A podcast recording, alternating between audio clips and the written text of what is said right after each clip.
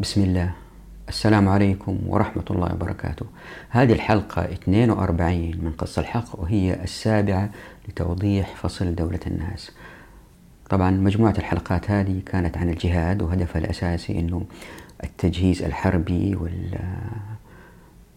والدفاع عن الأمة. كان عبء ملقى على عاتق جميع المسلمين وبالتالي الشريعة أوجدت حركيات بحيث أنه السلطان لا يستطيع سحب الأموال شرعا من الناس بحجة آه، التسليح وبحجة دفع الرواتب. لا يستطيع فعل ذلك حتى لا يتجمع المال في بيت المال ويكون مطمع زي ما وضحنا للأسباب الثلاثة في الحلقات اللي راحت. وفي الحلقة الماضية ركزنا على مجموعة من الآثار في وضع كان الرسول صلى الله عليه وسلم ما عنده الكثير من المال كيف تصرف في التجهيز الحربي. الآن رايحين نوضح في هذه الحلقة مجموعة آثار أخرى تبين كيف الرسول صلى الله عليه وسلم تصرف عندما كان عنده مال. وبعد كده نتحدث إذا كان في وقت إن شاء الله نتحدث عن تأثير ذلك في التخطيط لأنه السؤال الذي يتبادر إلى الذهن مباشرة أن الرسول صلى الله عليه وسلم لما يشوفوا سيرته في الإنفاق كان صلى الله عليه وسلم ما ما يخطط وكأنه ما في حاجة في ذهنه اسمها تخطيط. سنوضح هذه إن شاء الله بإذن الله. ليه؟ لأنه كان ينفق ينفق ينفق ولا يحجز مال في بيت المال. والأيام هذه أي تخطيط يحتاج إلى نوع من النفقات حتى إذا كانت ليست أموال لبناء جسر أو فتح مدرسة أو إنشاء مدينة على الأقل أجور المخططين. فلماذا الرسول صلى الله عليه وسلم لم يتصرف هكذا؟ يعني وكأنه فكرة التخطيط وأعوذ بالله من الشيطان الرجيم. أوضح هذه إن شاء الله. هذه إعجاز والله أعلم. كأنه فكرة التخطيط ما هي موجودة في ذهنه وذهن السلف رضوان الله عليهم في ذلك الوقت. فقد جاء في صحيح البخاري أن محمد بن جبير قال أخبرني جبير بن مطعم أنه بين هو مع رسول الله صلى الله عليه وسلم ومعه الناس مقبلا من حنين علقت رسول الله صلى الله عليه وسلم الأعراب يسألونه حتى اضطروه إلى سمرة فخطف رداءه.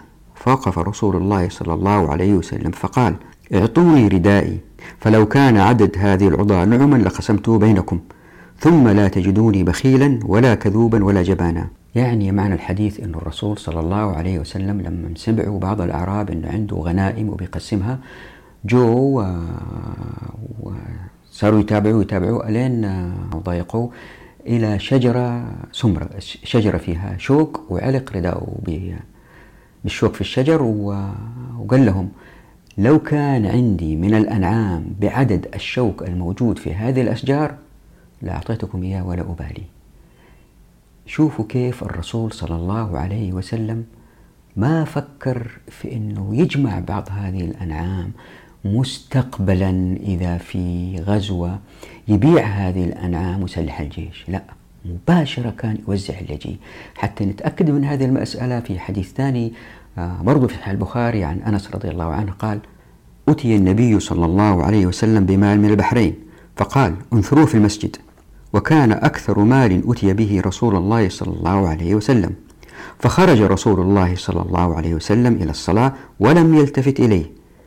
يعني المال موجود في المسجد وهو رايح الصلاة ما نظر إليه صلى الله عليه وسلم.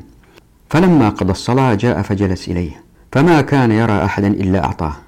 يعني كل ما يجي شخص يعطيه كل ما يجي شخص يعطيه لأنه كان المال كثير. إذ جاءه العباس فقال يا رسول الله أعطني فإني فاديت نفسي وفاديت عقيلة. فقال له رسول الله صلى الله عليه وسلم خذ. فحثى في ثوبه ثم ذهب يقله فلم يستطع. يعني حط في ثيابه وظنه كان كثير وثقيل فحاول يمشي ما قدر.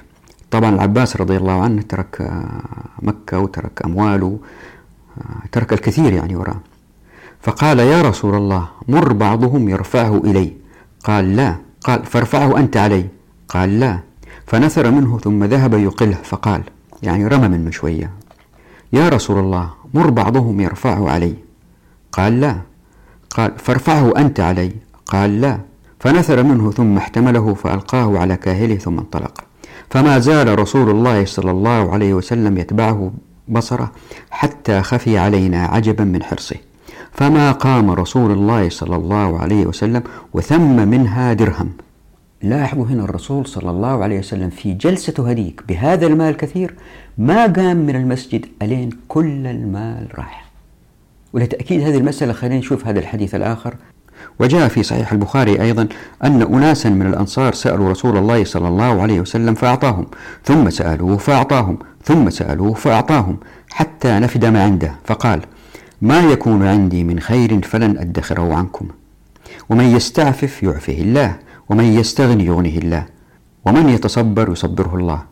وما أعطي أحد عطاء خيرا وأوسع من الصبر. وجاء في الطبقات الكبرى عن أبي الحويرث قال قدم وفد تجيب على رسول الله صلى الله عليه وسلم سنة تسع وهم ثلاثة عشر رجلا وساقوا معهم صدقات أموالهم التي فرض الله عليهم. فسر رسول الله صلى الله عليه وسلم بهم وقال مرحبا بكم. وأكرم منزلهم وحباهم وأمر بلالا أن يحسن ضيافتهم وجوائزهم وأعطاهم أكثر مما كان يجيز به الوفد. وقال هل بقي منكم أحد؟ قالوا غلام خلفناه على رحالنا وهو أحدثنا سنا. قال أرسلوه إلينا. فأقبل الغلام إلى رسول الله صلى الله عليه وسلم فقال إني امرؤ من بني أبناء الرهط الذين أتوك آنفا فقضيت حوائجهم فأقضي حاجتي. قال وما حاجتك؟ قال تسأل الله أن يغفر لي ويرحمني ويجعل غناي في قلبي. فقال اللهم اغفر له وارحمه واجعل غناه في قلبه. ثم أمر له بمثل ما أمر به لرجل من أصحابه. فانطلقوا راجعين إلى أهليهم ثم وافوا رسول الله صلى الله عليه وسلم في الموسم بمنى ستة عشر. فسألهم رسول الله صلى الله عليه وسلم عن الغلام فقالوا ما رأينا مثله أقنع منه بما رزقه الله. فقال رسول الله صلى الله عليه وسلم إني لأرجو أن نموت جميعا. شفتوا كيف الرسول صلى الله عليه وسلم ما كان يترك مال عنده أبدا ينفقه أول بأول. واللي أكد هذه المسألة أنه أحيانا الوفود كانت لما تجي بعض الوفود تأخذ مال أكثر بعض الوفود تأخذ مال أقل. ليه؟ لأنه هو يوزع الموجود اللي عنده. واللي أكد على هذا في استنتاج لباحث اسمه الهمشري يقول مستنتجا وكان عطاء الرسول صلى الله عليه وسلم يتفاوت بسبب الأموال وحالة الوفود. فقد أعطى وفد ذي مرة وكانوا ثلاثة عشر رجلا لكل واحد عشر أواق فضة. وفضل رئيسهم الحرث بن عوف وأعطاه اثنتي عشر أوقية. وأعطى وفد سلامان وكانوا سبعة نفر لكل واحد خمس أواق لكل رجل. واعتذر بلال لهم عند عطائهم بقوله ليس عندنا اليوم مال فقالوا ما أكثر هذا وأطيبه تلاحظوا من هذه الآثار أنه ما في في ذهن الرسول صلى الله عليه وسلم هو كان رسول نبي وما يتصرف من عنده يعني. فكان تصرفه أنه ما يترك مال في بيت المال يمكن مشكلة تقع مستقبلا فما في حاجة اسمها ميزانية في ذهنه أبدا. واللي يأكد هذا طبعا هذا عكس الدول الحالية اللي هي كلها فيها ميزانيات واللي أكد هذا الأثر الآتي فعن عطاء بن يسار عن رجل من بني أسد أن رجلا سأل رسول الله صلى الله عليه وسلم فلم يعطه. فقال رسول الله صلى الله عليه وسلم إن أحدكم يأتينا فيسألنا فإن لم نجد ما نعطيه تغيظ وإنه من سأل وله أوقية أو عدلها فقد سأل الناس إلحافا. طبعا معنى الحديث واضح أنه في تخويف للناس إذا أنت ما أنت محتاج وعندك ما في داعي آه، تطلب. الملاحظ على أفعاله صلى الله عليه وسلم أيضا مو بس ينفق اللي عنده لا إذا كان شاف آه، واحد محتاج جدا واحد ما عنده ملابس واحد وضعه جدا صعب وهو ما عنده مال كان يستقرض من الناس عشان يسد حاجة هذا الإنسان. وبعدين لما يأتي مال يسدد هذه الديون. ففي صحيح البخاري رضي الله عنه عن جابر بن عبد الله رضي الله عنهما قال قال النبي صلى الله عليه وسلم لو قد جاء مال البحرين قد أعطيتك هكذا وهكذا وهكذا. فلم يجيء مال البحرين حتى قبض النبي صلى الله عليه وسلم. فلما جاء مال البحرين أمر أبو بكر فنادى من كان له عند النبي صلى الله عليه وسلم عد أو دين فليأتينا. فأتيته فقلت إن النبي صلى الله عليه وسلم قال لي كذا وكذا فحث لي حثية فعددتها فإذا هي خمسمائة. وقال خذ مثليها. حتى في هذه الاستراتيجية أن الرسول صلى الله عليه وسلم يستدين ثم يسدد هذه استراتيجية تجعل كل واحد طامع في بيت المال ما يفكر أبدا أنه يكون آه، شخص يعمل للدولة ذو منصب وما إلى ذلك. لن يفكر ليه؟ لأنه يعرف أنه ما في فلوس دائما حتى اللي يجي يروح أول بأول. فما في إنسان يطمع أبدا أنه يكون آه، موظف في الدولة وهو منافق لأنه ما في مال. فقط ينجذب للعمل للدولة الناس اللي هم مستغنين نفسيا ولا يريدوا المال. فهذه حركية لسحب الناس الأفضل للعمل مع الحاكم وليس الناس أضعف لأنه ما في مال. وزاد في حاجة راح أتحدث عنها بعدين وهذا التحدي دائما أعمله كثير من الناس. أعطوني اسم شخص واحد الرسول صلى الله عليه وسلم أعطاه مال مقابل عمل للمجموعة. للأمة. ما في. العمل دائما تطوعي. فإذا بيت المال فاضي دائما وحتى إلا يمكن يجي يروح أول بأول ما حد يطمع في العمل في بيت المال أو في الدولة ويمكن يصل بيت المال. طبعا إذا قارنا المجموعتين هذه اللي تحدثنا عليه في الحلقة السابقة والآن إذا إذا شفنا هذه الآثار وقارناها مع الدول الحديثة زي ما قلت سابقا يظهر سؤال. الرسول صلى الله عليه وسلم كان يجهز الأمة دائما نفسيا للغزوات ويحمسهم والآيات و... طب ليش ما جمع بعض المال حتى ما يوضع في هذا الموقف إلا لما جو اثنين ومشتاقين للجهاد وهذول رايحين يبلوا بلاء حسن في الجهاد لأنهم متمنين الجهاد؟ لا أجد ما أحملكم عليه. هذا سؤال كبير. والإجابة أن الرسول صلى الله عليه وسلم زي ما جاء في صحيح البخاري في قوله تعالى أعوذ بالله من الشيطان الرجيم. فأن لله خمسه وللرسول أن الرسول صلى الله عليه وسلم قال ما أعطيكم ولا أمنعكم إنما أنا قاسم أضع حيث أمرت. واضح من هذا الحديث اللي في صحيح البخاري ومن قوله صلى الله عليه وسلم أنه هو ينفذ ما يوحى إليه هو ما يحاول يوجد مخصوصة حقوق أو يوجد أحكام من عقله. لا هو مأمور صلى الله عليه وسلم ينفذ. وهذا إعجاز. ليش إعجاز؟ لأنه الروم والفرس تفاجؤوا بالعالم الإسلامي. ليه؟ بالأمة المسلمة. ليه؟ المجتمعات ذلك الوقت كأيامنا هذه فيها طبقات.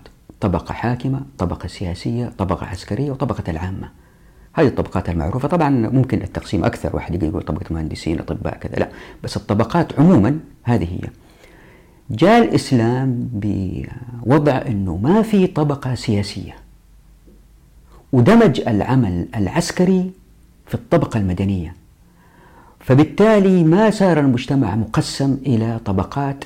يمكن طبقة تستعبد طبقة يمكن طبقة تستأثر بموارد نفسها والطبقة الأخرى. المنتجة تكون ضعيفة وتشتغل بهم ونكد عشان بس تكسب لقمة عيشها. لا جاء الإسلام بتركيبة مختلفة. هذه التركيبة المختلفة اللي هي ما فيها طبقة سياسية والطبقة العسكرية هي الطبقة المدنية لأنه الرسول صلى الله عليه وسلم زي ما شفنا في الفيديوهات السابقة كيف أنه عمل يعني دفع لأن يكون العمل العسكري آه آه عرف بين الناس وبالتالي صار هم الدفاع عن الأمة مسؤولية كل واحد في المجتمع. مو زي الآن نستني لا في وزارة دفاع في جيش في عسكر خلاص هم يسووا كل شيء إحنا ننتظر وإحنا نقعد ندعي يا رب أنصرنا. المسألة ما هي كده. الدعاء مطلوب لكن مع الدعاء عمل. وكيف يأتي العمل؟ الكل يشارك. فتصير مسؤولية الدفاع عن الأمة مسؤولية كل هذا اللي عملته الشريعة.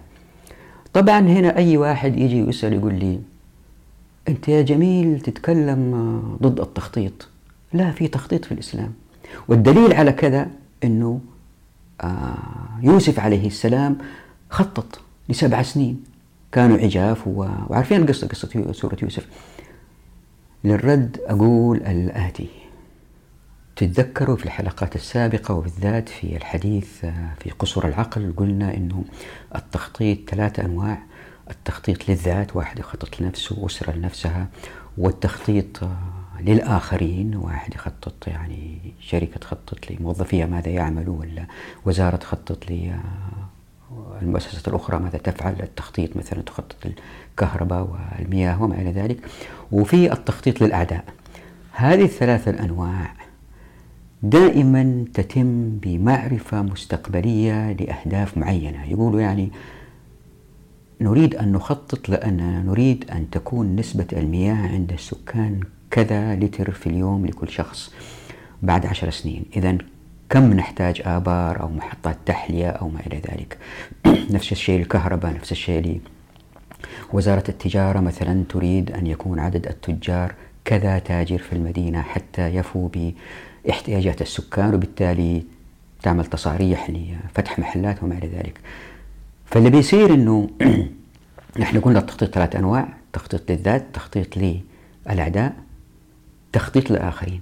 اللي بيصير أنه مع علم التخطيط الحديث كل حاجة تقريبا بتنقلب تصير تخطيط للذات. يعني هذا الوضع الطبيعي أنه ثلاث أنواع من التخطيط. اللي بيصير أنه كل شيء بينقلب تقريبا يصير تخطيط للذات. ليه؟ لأنه الدولة كلها تعتبر نفسها ذات واحدة ولها سياسة واضحة في التخطيط. القرارات اللي تأخذها التخطيطية تأثر بالضرورة على الجهات الأخرى تحتها. مثلا مجلس الوزراء أو رئيس الدولة أو الملك أو يقرر قرارات معينة. تأتي الجهات الأخرى تلتزم بهذه القرارات. مثلا نبغى نبيع الشركة الفلانية مثلا نبغى آه بعد عشر سنين تكون عندنا آه مجتمع علمي محض بالتالي نحتاج جامعات أكثر ونسحب الأموال للجامعات هذه ومراكز الأبحاث وبالتالي إيش يتأثر؟ مرافق أخرى تتأثر مثل مثلا المواصلات الطرق تخف وما إلى ذلك. وبالعكس يمكن يقولوا والله نبغى أمة تكون حركة الاتصال فيها أكثر وأسرع عشان ننقل البضائع والناس بسرعة ونكسب وقت ونلحق بالمجتمعات الأخرى ونبني طرق ونبني مطارات وبالتالي المال الذي يذهب لهذا القطاع أقل من القطاع القطاعات الأخرى اللي هي مثلا زي التعليم. فاللي بيصير أنه التخطيط ينقلب إلى تخطيط ذات والعالم الغربي أبدع جدا في هذه المسألة وأوجد نظريات كثيرة للتخطيط زي سوات زي comprehensive planning theory rational planning theory. تتذكر في الحلقة الماضية وضعت عناوين بعض هذه النظريات التخطيطية ونفس الشيء في في في الاقتصاد في نظريات كينز هايك وسنأتي عليها هذه إن شاء الله في الاقتصاد نأتي عليه في فصل الفصل الوصل. اللي صار إنه هذه النظريات لما تعمل مع بعض بالتأكيد تصطدم مع مقصوصة الحقوق. يعني حكم غير ما أنزل الله. مثلا إذا قالت وزارة التجارة في هذه المدينة فقط نكتفي بعشر آلاف محل اللي بيصير إذا راحت هذه التصاريح جاء واحد يبغى يفتح محل ما يقدر. ليه؟ لأنه النظام ما يسمح. طيب يمكن يكون هو أكفأ يمكن يكون هو أشطر. لا خلاص. أو مثلا ما هي مربوطة بعدد معين مربوطة باستراتيجيات معينة لازم يكون رأس مالك كذا لازم يكون محلك كذا لازم تحط يافطة كذا. وما عنده هذه الشروط فما يقدر يبدأ. مكسور من الصفر. فأخذ حقه لأنه شرعا هو له الحق يفتح محل من غير موافقة أحد طالما أنه لم يضر بالآخرين. ونفس الشيء في تجي وزارة البيئة أو وزارة إسكان أو وزارة البلديات وتقول ممنوع آه، التعمير في هذه المنطقة. هذه منطقة راح نسوي فيها مثلا مطار مستقبلا أو وبالتالي إيش اللي يصير؟ الناس فقدوا حقهم في حياة الأرض. فاللي بيصير إنه على طول التخطيط يصطدم مع الشريعة. وإذا أردنا تلخيص التخطيط في كلمة واحدة هو التقييد. لأنه أي تخطيط هو قرارات والقرارات هذه تسمح وتمنع. ما وأنا دائما أتحدى المخططين أقول لهم أعطوني مثال واحد لقرار تخطيطي ما يغير مخصوصة الحقوق إلا تتغير مثلا مثلا آه، دولة تقول والله ما حد يقدر يسافر إلا بجوازات لما تأخذ الجواز في دول تقبل هذا الجواز تقول لك دول تقول لك لا إلا بتأشيرة ولا إيش اللي صار؟ في فصل كامل في كتاب قص الحق سيأتي إن شاء الله من أجمل الفصول اسمه ابن السبيل. وكيف الشريعة تحاول فتح الحدود؟ وهذه الدول أغلقتها. لا المعرفة انتقلت ولا البضائع انتقلت ولا الأفراد انتقلوا ولا ولا ولا ولا. وهذا في ضرر شديد على الأمة. فالتخطيط في كلمة واحدة هو تقييد. والإسلام في كلمة واحدة إذا حبينا يعني ننظر الموضوع بهذه الزاوية أنه إطلاق. من غير ضرر. إطلاق من غير ضرر. ولأن موارد الكرة الأرضية أكثر من أن تنضب لأنها من خالق الخلاق الرازق الرزاق الكريم الجواد المعطي المحسن الولي المتولي الكفيل كل هذه الأسماء الحسنى لله سبحانه وتعالى تدل على كثرة الخير في الكرة الأرضية. خايفين تخلص ولا خايفين على أمنهم ولا على حكمهم؟ وضعوا الحدود. ما تقدر تتحرك إلا بجواز. هذا مثال واحد مثال واحد. وفكروا في جميع شؤون الحياة الطبية التعليمية المرافقة. تجدوا أن التخطيط يؤدي للتقييد طب واحد يقول لي الإسلام كيف كيف يشتغل؟ هذا هو موضوع كتاب قص الحق. لكن خليني ألخص.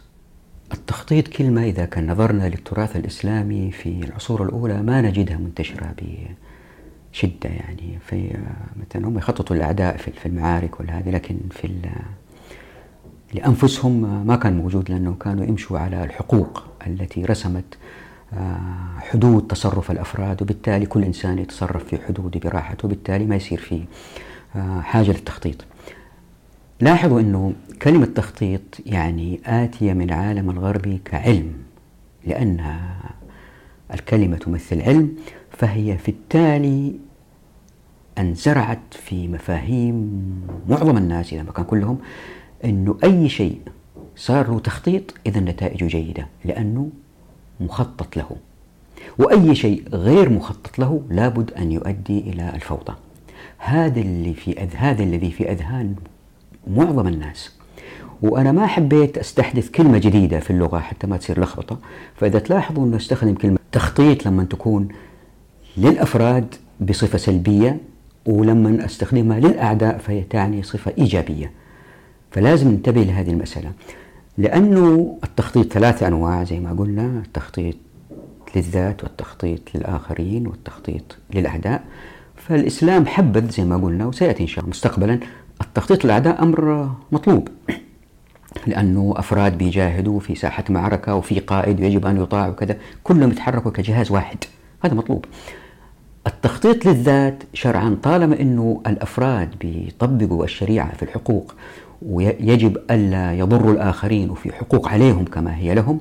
والحقوق هذه مرسومة. الناس يتصرفوا بحرية أكثر لأنه ما في قوانين كل يومين والتانية نطالهم وتقول لهم سووا ولا تسووا. عارفين حقوقهم وبيتصرفوا وبيخططوا لذاتهم بطريقة أفضل. ليه؟ لأنه الحقوق من الله سبحانه وتعالى وثابتة وما تتغير أبدا. عارفين مساراتهم اللي يمكن يمشوا فيها وبالتالي تخطيطهم لذاتهم لابد أن يكون سليم لأنه لا يصطدم مع آخرين.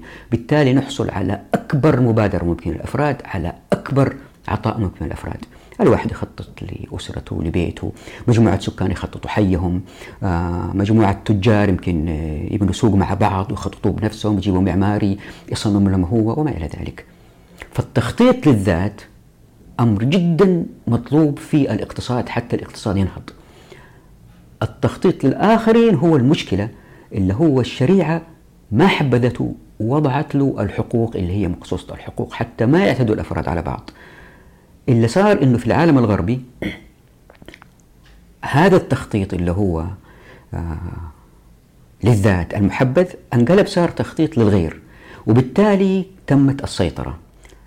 في إشكالية صغيرة هنا إنه كتاب قص الحق 1700 صفحة هم 12 فصل وباقي ست فصول لسه ما كتبتها بس ال 12 فصل فيهم ما يكفي لتوضيح الفكرة. و إحنا الآن في الصفحة 350 أظن وصلنا الحلقة 42 يعني لابد للإخوان المخططين أنهم يتمهلوا قبل الحكم لأنه في تفاصيل كثيرة لسه ما ظهرت. في الفصل الوصل في المعاملات المالية في الشراكة وكيف الناس يتشاركوا وينتجوا. فدائما في ذهنهم إنه والله ما في تخطيط اذا هو فوضى. فأحتاج صبرهم حتى هذه المسألة تكون مقنعة.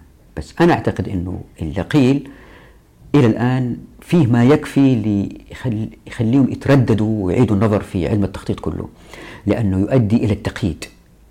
هذا الأساس. علم التخطيط يؤدي إلى التقييد والشريعة تؤدي للإطلاق من غير ضرر. حتى نتأكد من هذه المسألة التخطيط يحتاج مال والمال يحتاج يكون موجود في مكان حتى تكون في ميزانيات وما إلى ذلك. فعل الرسول صلى الله عليه وسلم زي ما شفنا كان ينفق ينفق ينفق. طيب يظهر سؤال ثاني. ليش كان صلى الله عليه وسلم يحاول ينفق المال في نفس اليوم؟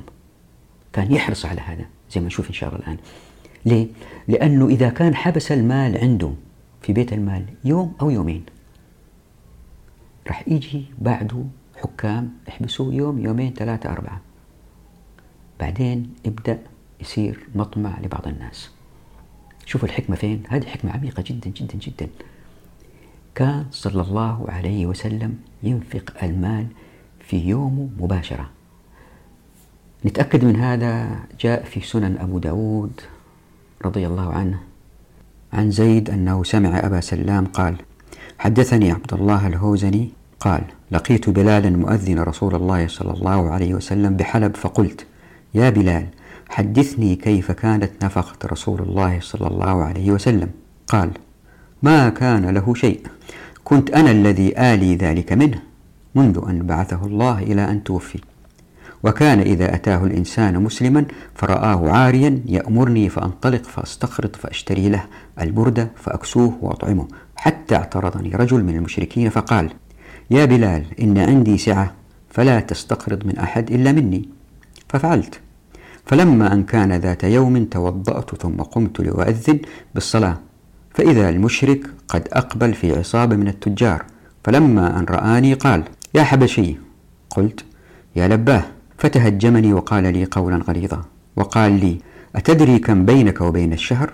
قال قلت قريب قال إن بينك وبينه أربع فآخذك بالذي عليك فأردك ترعى الغنم كما كنت قبل ذلك فأخذ في نفسي ما يأخذ في أنفس الناس حتى إذا صليت العتمة رجع رسول الله صلى الله عليه وسلم إلى أهلي فاستأذنت عليه فأذن لي فقلت يا رسول الله بأبي أنت وأمي إن المشرك الذي كنت أتدين منه قال لي كذا وكذا وليس عندك ما تقضي عني ولا عندي وهو فاضحي. فأذن لي أن آبق إلى بعض هؤلاء الأحياء الذين قد أسلموا حتى يرزق الله رسوله صلى الله عليه وسلم ما يقضي عني. فخرجت حتى إذا أتيت منزلي فجعلت سيفي وجرابي ونعلي ومجني عند رأسي حتى إذا انشق عمود الصبح الأول أردت أن أنطلق فإذا إنسان يسعى يدعو يا بلال أجب رسول الله صلى الله عليه وسلم. فانطلقت حتى أتيته فإذا أربع ركائب مناخات عليهن أحمالهن. فاستأذنت فقال لي رسول الله صلى الله عليه وسلم أبشر فقد جاءك الله بقضائك. ثم قال ألم ترى الركائب المناخات الأربع؟ فقلت بلى. فقال إن لك رقابهن وما عليهن. فإن عليهن كسوة وطعاما أهداهن إلي عظيم فدك فاقبضهن واقض دينك. ففعلت فذكر الحديث ثم انطلقت إلى المسجد فإذا رسول الله صلى الله عليه وسلم قاعد في المسجد فسلمت عليه فقال ما فعل ما قبلك؟ يعني الأموال اللي أعطيتك هي إيش سويت فيها؟ قلت قد قضى الله كل شيء كان على رسول الله صلى الله عليه وسلم فلم يبق شيء. يعني كل الالتزامات المالية سددها. قال أفضل شيء؟ قلت نعم. قال انظر أن تريحني منه فإني لست بداخل على أحد من أهلي حتى تريحني منه. يعني يا بلال الأموال الباقية روح وزعها وأنا ما راح أرجع لبيتي ألين هذه الأموال تتوزع. يعني جالس صلى الله عليه وسلم في المسجد. فلما صلى رسول الله صلى الله عليه وسلم العتمة دعاني فقال ما فعل الذي قبلك؟ قال قلت هو معي لم يأتنا أحد. فبات رسول الله صلى الله عليه وسلم في المسجد وقص الحديث. حتى إذا صلى العتمة يعني من الغد دعاني قال ما فعل الذي قبلك؟ قال قلت قد أراحك الله منه يا رسول الله. فكبر وحمد الله شفقا من أن يدركه الموت وعنده ذلك. ثم اتبعته حتى إذا جاء أزواجه فسلم على امرأة امرأة حتى أتى مبيته. فهذا الذي سألتني عنه. وهذا الحديث ذكر في أيضا في سنن البيهقي والبزار والمعجم الأوسط والكبير بألفاظ مختلفة وكلها ذكرت أن الرسول صلى الله عليه وسلم ما رجع لبيته ألين أنفق المال حتى أنه أبو عبيد خصص فصل كامل في كتاب الأموال بعنوان تعجيل إخراج الفيء وقسمته بين أهله طبعا واضح من هذا الفصل كيف أن الرسول صلى الله عليه وسلم ما راح نام في البيت ألين هذا المال يتوزع؟ لابد في حكمة عميقة ألا وهي أنه وجود المال يعني التخطيط لإنفاقه يعني المطمع فيه. هنا في حكمة عميقة لدرجة أنه أبو عبيد تعجب يعني كيف أنه الرسول صلى الله عليه وسلم آه، ما أنفق هذا المال بالتدريج لأنه كانت بتجي أزمات بتجي آه، مطالبات. لا كان ينفقها ولا يفكر في المطالبات اللي تأتي مستقبلا. وليش خص الفي لأنه الصدقات زي ما قلنا لها مستحقية وتكلمنا عنها في فيديوهات سابقة. والغنائم أيضا لها مستحقية. هو مال الفي إلى له مستحقي لكن يعني ما يتوزع في الموقع. الصدقات تتوزع في الموقع وعارفين الناس اللي يأخذوها مباشرة يأخذوا من موقعها وإذا رجعت لبيت المال في المنطقة اللي فيها فقراء تروح مباشرة. والغنائم تتوزع في الموقع. الفيء هو المال الذي يأتي تأتي إن شاء الله في هذا الفصل. دولة الناس تبين أنواع الفيء وكيف تصرف ولها مستحقية. بس هي اللي يمكن تتجمع. فكان محتار يعني أبو عبيد وفصل فصل لهذا الكلام. وفي هذا الفصل يقول أن الحسن بن محمد قال أن رسول الله صلى الله عليه وسلم لم يكن يقبل عنده مالا ولا يبيته. قال أبو عبيد يعني أنه إذا جاءه غدوة لم ينتصف النهار حتى يقسمه وإن جاءه عشية لم يبيته حتى يقسمه. وقد ورد في الصحيح أنه صلى بأصحابه العصر ذات يوم ثم قام فزعا يتخطى الرقاب. فلما رجع سألوه فقال ذكرت شيئا كان من تبر؟ كان عندنا فكرهت أن يحبسني فذهبت فوزعته. التبر هو الفضة. فتصوروا هذا الحرص منه صلى الله عليه وسلم على الإنفاق حتى لو كان المال كثير. فأبو هريرة رضي الله عنه قال قال رسول الله صلى الله عليه وسلم. هذا الحديث في صحيح البخاري. لو كان لي مثل أحد ذهب ما يسرني ألا يمر علي ثلاث وعندي منه شيء إلا شيء أرصده لدين. فشوفوا من هذا الحديث كيف الرسول صلى الله عليه وسلم إذا كان عنده ذهب زي جبل أحد إلا اعرف الجبل يتصور حجمه. كيف يمكن لإنسان ينفق هذا المال خلال ثلاث أيام؟ شبه مستحيل. صلى الله عليه وسلم يبغى ينفقه. ويترك منه يحجز منه شيء إذا كان هو مديون ويمكن صاحب اللي دينه ما هو موجود حتى يعطيه هو أو كذا. لكن ينفق كله.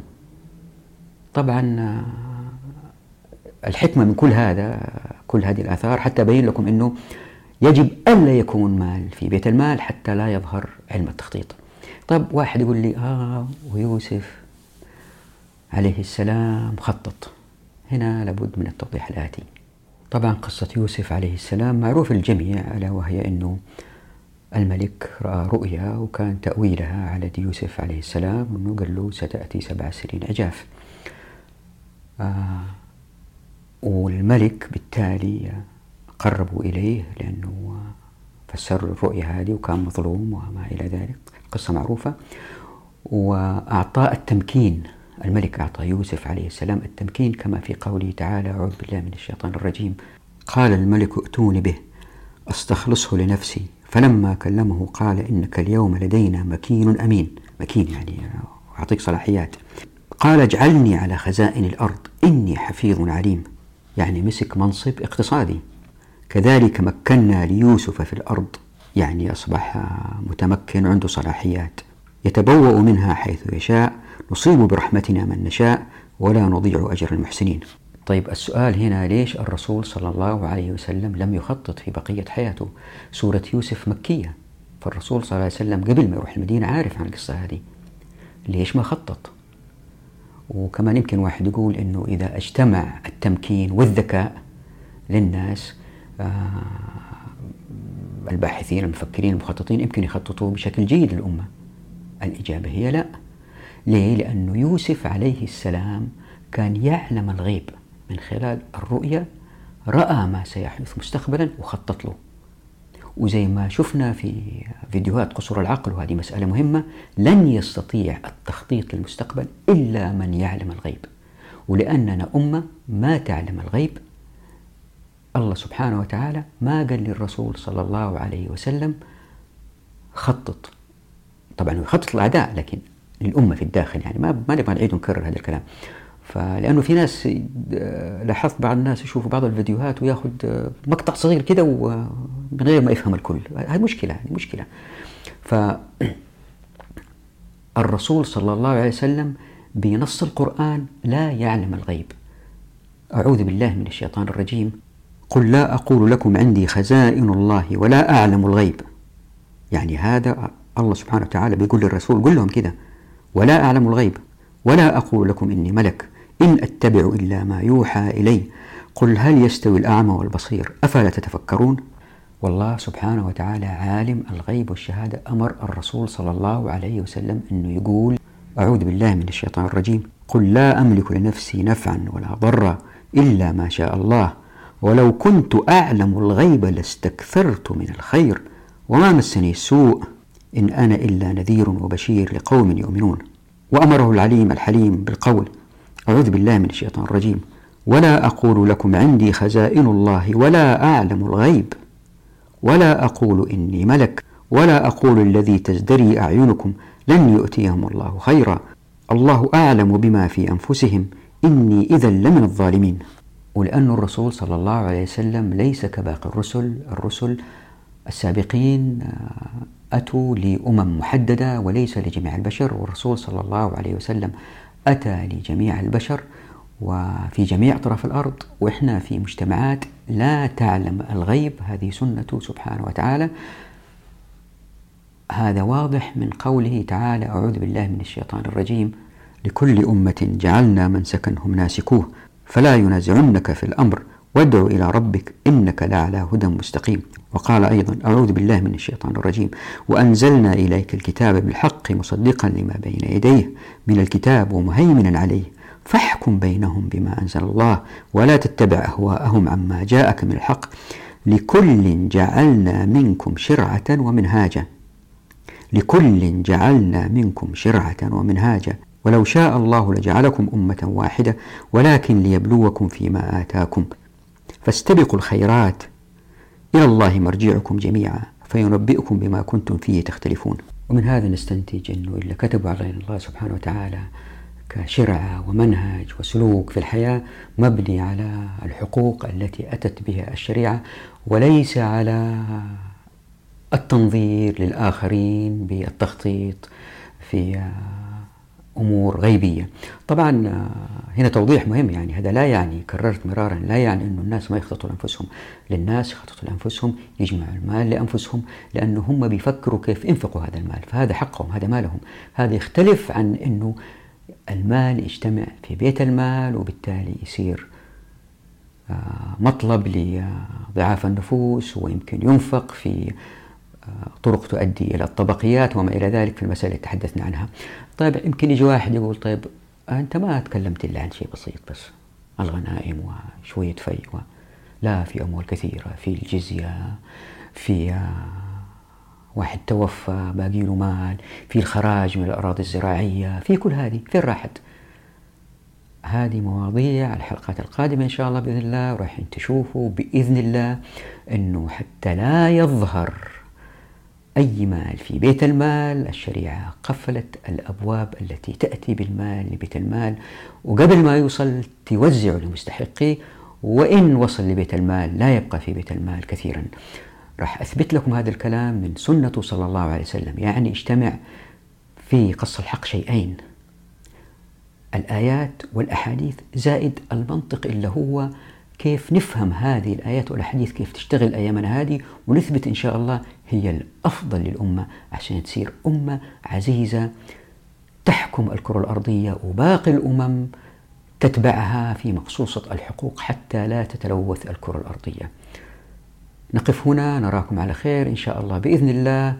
وثقوا تماما أنه الحلقات القادمة جدا جميلة وبديعة عشان تشوفوا كيف الشريعة تشتغل لإيجاد مجتمع عزيز متمكن لكن مع الأسف هذا ما صار. نراكم على خير ودعواتكم. في أمان الله.